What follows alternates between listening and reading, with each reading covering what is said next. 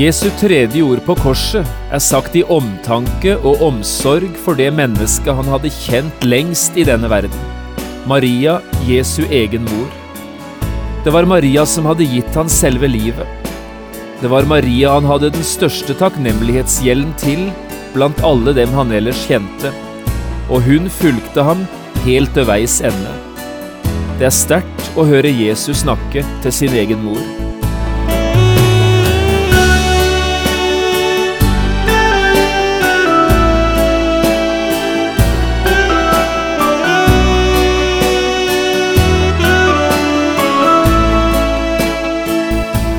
Hjertelig velkommen til et nytt program i serien Vindu mot livet. Programmet er produsert av Kristen Riksradio og blir ledet av Jon Hardang. Kristen Riksradio drives av frivillige gaver. Vi er glade for din støtte.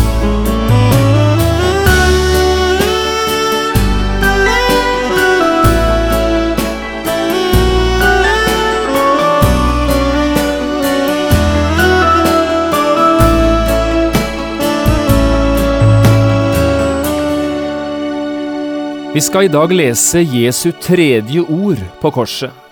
I denne serien med bibelundervisning som vi har kalt Mørket og morgenrøden. I dag er det forholdet mellom Jesus og hans egen mor Maria det skal handle om. Vi leser fra Johannesevangeliet i kapittel 19, versene 23 til 27. Jeg har kalt dagens program Se det er din mor. Da nå soldatene hadde korsfestet Jesus, tok de hans klær og delte dem i fire deler, én del til hver soldat. De tok også kjortelen, men kjortelen var vevd i ett stykke ovenfra og helt ned. De sa da til hverandre, la oss ikke rive den i stykker, men kaste lodd om hvem som skal ha den, for at Skriften skulle oppfylles som sier, de delte mine klær mellom seg, og kastet lodd om min kjortel. Soldatene gjorde da dette. Men ved Jesu kors sto hans mor, og hans mors søster Maria Klopas' hustru, og Maria Magdalena. Da nå Jesus så sin mor og den disippelen som han elsket stå der, sa han til sin mor, Kvinne, se det er din sønn. Deretter sa han til disippelen, Se, det er din mor. Og fra den stund tok disippelen henne hjem til seg.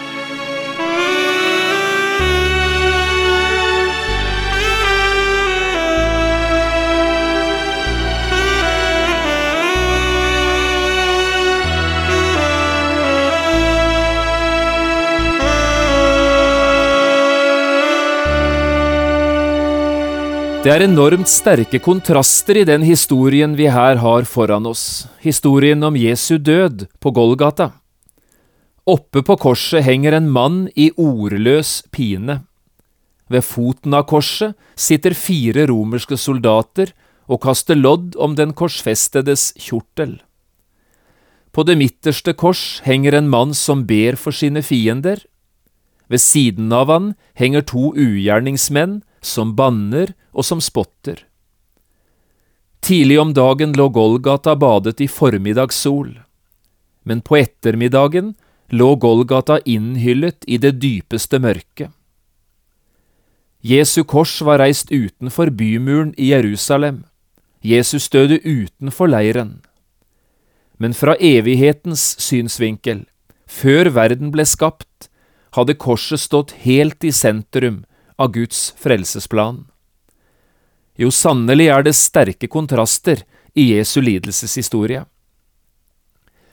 I seks smertefulle timer kjemper Jesus sin dødskamp ute på Golgata, men aldri en eneste gang, før hans ånd ble satt fri fra kroppen, klaget Jesus over sin egen lidelse. Men i disse timene hang altså Jesus bokstavelig talt på tre digre spiker, drevet inn gjennom hender og føtter. Og i denne forferdelige stillingen, så utrolig som det enn kan høres, tenkte Jesus ikke en tanke på seg selv, han tenkte bare på andre. Vi ser det så tydelig når vi hører Jesu tre første ord på korset. Først ber han for sine fiender, Far, forlat dem, for de vet ikke hva de gjør. Så vender han seg mot den ene røveren som hang der ved siden av Jesus, og som ber om en tanke i evigheten. Sannelig, i dag skal du få være med meg i paradis. Og så, det kanskje aller sterkeste, den inderlige situasjonen der Jesus vender ansiktet mot sin egen mor, og lar omsorg og kjærlighet til Maria komme til uttrykk gjennom sitt tredje ord på korset. Kvinne, se det er din sønn. Og så legger han til til Johannes, se det er din mor. Jesu tredje ord på korset ble sagt i omsorg og omtanke for det mennesket han hadde kjent lengst i denne verden, hun som hadde gitt han selve livet, og som han sto i størst takknemlighetsgjeld til blant alle han ellers kjente. Maria, hun som fulgte han helt til veis ende. Det er sterkt å være vitne til Jesu omsorg for sin egen mor. Et par vers fra Det gamle testamentet dukker opp i mine tanker. Først fra Salomos ordspråk, kapittel 23, i vers 22. Her sier Salomo, Hør på din far, som ga deg livet, og forakt ikke din mor når hun er blitt gammel. Jeg tenker ellers på ordene i Andre Mosebok 20, i vers 12, altså selve Moseloven. Hedre din far og din mor så dine dager må bli mange i det landet Herren din Gud gir deg. Dette er selvsagt et ord også til barn og ungdom, med formaning om å vise sine foreldre respekt. Men kanskje er det først og fremst en påminnelse til oss som er voksne, om å ta vare på våre gamle foreldre, når de begynner å føle seg til overs og bare til byrde for andre. Og det er nettopp dette Jesus gjør her i de siste timene han fikk oppleve i verden. På denne måten gir Jesus oss et flott forbilde. Ta det av dine gamle foreldre, vis dem ære og respekt, så skal Gud også ta seg av deg i ditt liv, og gi deg et langt og rikt og meningsfylt liv. Gud vil velsigne dem som tar seg av sine gamle foreldre. Det var altså fire romerske soldater som sammen med sin offiser sto ansvarlig for korsfestelsen av Jesus og de to forbryterne som ble korsfestet sammen med han. De passet på den dødsdømte da de ble ført ut til retterstedet, så ikke andre mennesker skulle blande seg inn i det som skjedde med dem.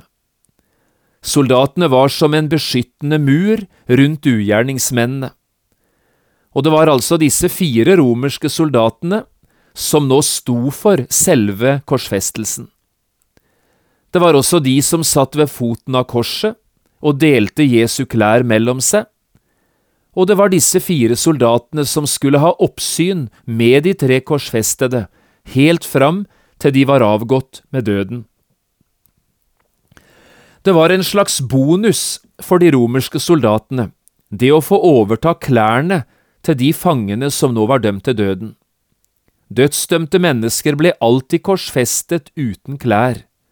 De var helt nakne, hadde ikke ett plagg på kroppen.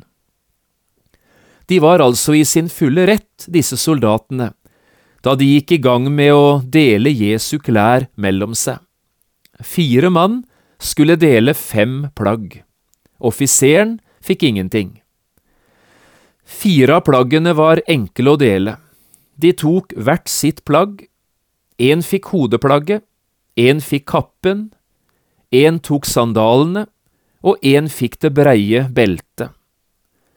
Men så var det altså enda et plagg, et femte plagg. Det var Jesu kjortel. Det var den de nå kastet lodd om på langfredag, for den var vevd helt igjennom, står det, og kunne ikke deles. Det ville fullstendig ha ødelagt Jesu kjortel. Derfor skriver Johannes det han her gjør. Men kjortelen var vevd i ett stykke, ovenfra og helt ned. Soldatene sa da til hverandre, la oss ikke rive den i stykker, men kaste lodd om hvem som skal ha den, for at Skriften skulle oppfylles, som sier, De delte mine klær mellom seg og kastet lodd om min kjortel. Det er flere ting å si om denne kjortelen. Ordet som her er brukt for kjortel, er det samme som også brukes som yppersteprestens drakt. Også han bar en sømløs drakt, en kjortel som var uten sømmer, helt igjennom vevd. På latin heter ordet for yppersteprest pontifex. Dette ordet, hvis vi oversetter det direkte, det ordet betyr brobygger. Og det var jo nettopp en slik yppersteprest Jesus var. Han var brobyggeren, som kom til denne verden for å bygge bro mellom Gud og mennesker. Siste hånd på dette verket ble lagt nettopp når Jesus nå dør. Da gjorde Jesus det ingen andre i verden var i stand til å gjøre. Han åpnet en ny og levende vei helt inn til Gud. I det fjerde kapittelet i Hebreerbrevet, i vers 14, der leser vi disse ordene.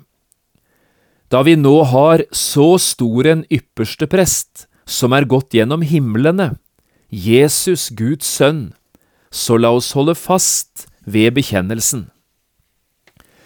Jesus bygget ferdig broen mellom Gud og mennesker da han døde, og han bar altså til og med de samme klær som vi forbinder med en ypperste prest, helt fram til åpningsdagen, da den nye broen ble åpnet, veien inn til Gud.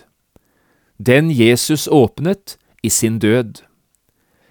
Det skulle de ha visst, de romerske soldatene, at det var en himmelsk brobyggers klær de nå satt og kastet lodd om, han som hele menneskehetens skjebne var gjort avhengig av. Men det visste de ikke noen av dem. Enda en ting. En slik kjortel som Jesus her bar, ble vanligvis laget og gitt til jødiske gutter av deres egen mor. Som regel skjedde det i forbindelse med at de skulle reise hjemmefra, forlate hjemmet og dra ut i de voksnes verden. Det var moren selv, moren til den jødiske gutten, som vevde en slik kjortel, og så ga hun den til gutten sin som en avskjedsgave, før han altså dro hjemmefra for godt, ut i det voksne livet. Dette er sannsynligvis også situasjonen med Jesus. Kjortelen som han bar, var gjerne den kjortelen han hadde fått av sin egen mor. Det må i tilfelle bety at det var knyttet sterke følelser nettopp til denne kjortelen, både hos Jesus selv og hos hans egen mor. Og måten som langfredagsdramaet skildres på, synes å bekrefte akkurat det.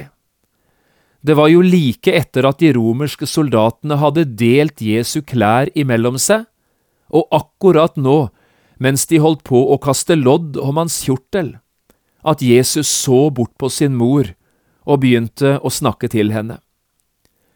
Da nå Jesus så sin mor og den disippelen som han elsket, stå der, sa han, og så begynner Jesus å snakke. Slik skildrer Johannes det som skjer. Og så kommer altså Jesu tredje ord på korset. Først til Maria, kvinne, se det er din sønn. Og så til Johannes, se det er din mor. Hvorfor så Jesus på sin mor akkurat nå? Hun hadde jo vært der hele tiden. Hvorfor hadde han ikke sagt ett eneste ord til henne før nå? men vært opptatt med sine fiender, og til og med med en forbryter så ba om en tanke i evigheten, men ikke ett ord til sin egen mor. Jeg tror det har med kjortelen å gjøre. At soldatene delte Jesu klær mellom seg, det gjorde ikke så mye, verken for Jesus eller for hans mor. Men da de tok kjortelen og skulle kaste lodd om den, da rørte de ikke bare ved en kjortel, de rørte også ved to hjerter. Marias hjerte, hun som hadde vevd denne kjortelen og gitt den til sin sønn. og de rørte ved Jesu hjerte, han som hadde tatt imot kjortelen og båret den gjennom hele sitt voksne liv. Det beveget Jesus til å se på hans egen mor, og slik blir altså Jesu tredje ord på korset til. En trenger ikke være mor, tror jeg, for å bli grepet av det som her skjer. Men den som selv er mor, vil kanskje selv forstå bedre enn noen andre hva som her foregår av følelser og av ting. Jeg tror ikke vi protestanter alltid har behandlet Jesu mor, Maria, på den riktige måten. I front mot en overdreven katolsk mariadyrkelse har vi gjort alt som står i vår makt for å alminneliggjøre denne kvinnen. Men dermed har hun kanskje heller ikke fått den anerkjennelsen som hun egentlig fortjener. Maria må ha vært et utrolig sterkt og varmt menneske, og ikke minst, hun må ha vært modig. Da Jesus så sin mor stå der, skriver Johannes. Maria lå ikke nede. Hun hadde tatt imot alt det som var skjedd med Jesus, med rak rygg, uten å senke hodet. Maria er et oppegående menneske. Hun har ikke villet bøye seg i skam. Hun har ikke gitt etter for motløshet og fortvilelse. Ingen av oss ville ha bebreidet Maria, tror jeg, om hun ikke hadde klart å være til stede på Golgata denne dagen. Vi ville ha forstått henne. Men Maria kom og sto nærmere Jesu kors enn de fleste andre. Jesus så sin mor stå der, skriver Johannes, og det var nettopp det hun gjorde, hun sto der. Hun sto løpet ut, om det var aldri så tøft. Det vekker både beundring og stor respekt. Når Jesus så snakker til henne, sier han, Kvinne, se det er din sønn. Og så fortsetter han med å si til Johannes, den disippelen Jesus elsket, se, det er din mor. Dermed sier Jesus til han, Du må adoptere denne kvinnen, Johannes, som din egen mor. Ta henne inn i ditt eget hjem, inn i ditt liv, inn til ditt hjerte. Elsk henne og ta vare på henne, slik jeg ville ha gjort det, dersom jeg fortsatt hadde fått leve. Hun skal bli deg like kjær og umistelig som hun har vært for meg alle disse årene. I denne situasjonen dukker et par spørsmål opp. For det første, hvorfor overlot ikke Jesus henne til sine brødre? Dersom virkelig Jesus var av de som hadde tro på kjernefamilien, hvorfor ga han sin mor til en disippel og ikke til brødrene? Hvis vi slår opp i Matteus 13 og leser versene fra 54 til 58, så forstår vi kanskje hvorfor. Hør på dette. Jesus kom til sitt hjemsted og lærte dem i deres synagoge, så de ble slått av undring og sa, Hvor har han slik visdom fra, og slike kraftige gjerninger? Er han ikke tømmermannen Josefs sønn? Heter ikke hans mor Maria og hans brødre Jakob og Josef og Simon og Judas? Og hans søstre, er de ikke alle her hos oss? Hvor har han vel alt dette fra? og de tok anstøt av ham.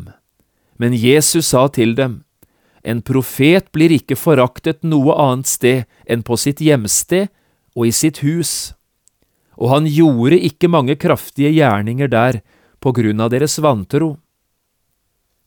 Hvorfor ga ikke Jesus ansvaret for sin mor over til sine brødre?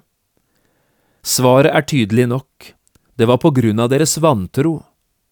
De trodde ikke på Jesus, at han var den han sa seg å være.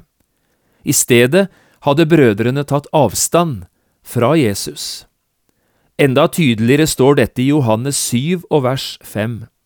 Heller ikke hans brødre trodde på ham, skriver Johannes. Det er noen som ikke våger å gå inn i tjenesten for Gud fordi de ikke har støtte fra sin egen nære familie. Hvis Jesus skulle ha tenkt slik om sin tjeneste, ville han aldri ha kommet i gang med det han skulle gjøre. For heller ikke han hadde noen støtte hjemme for det han gjorde. Gjennom hele sin jordiske gjerning, helt fram til sin død, måtte han leve med den situasjonen at hans brødre ikke trodde på han.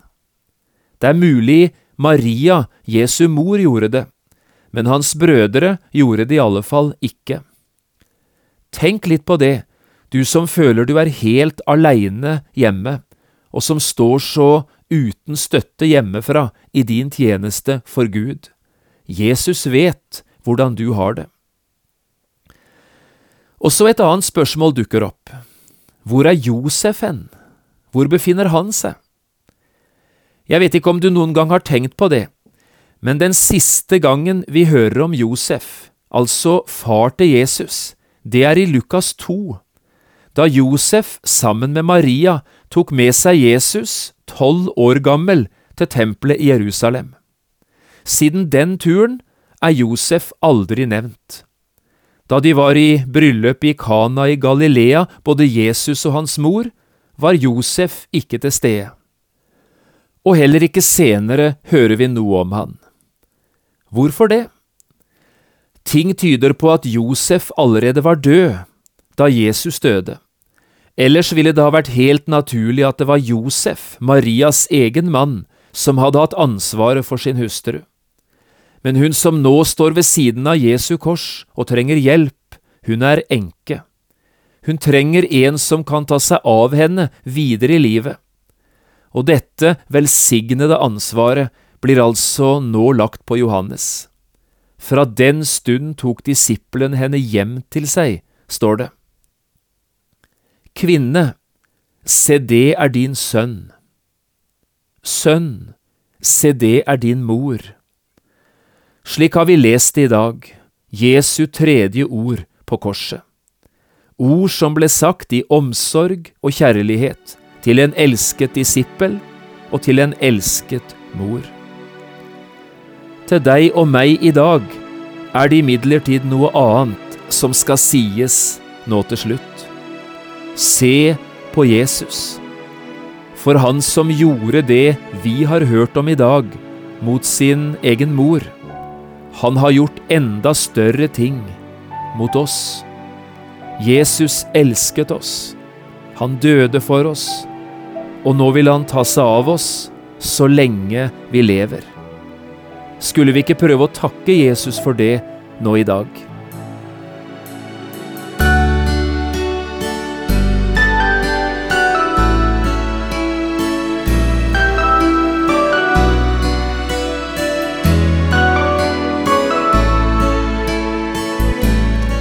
Du har lyttet til et program i serien Vindu mot livet med John Hardang. Programmene i denne serien kan også kjøpes på CD fra Kristen Riksradio eller høres på internett på p7.no.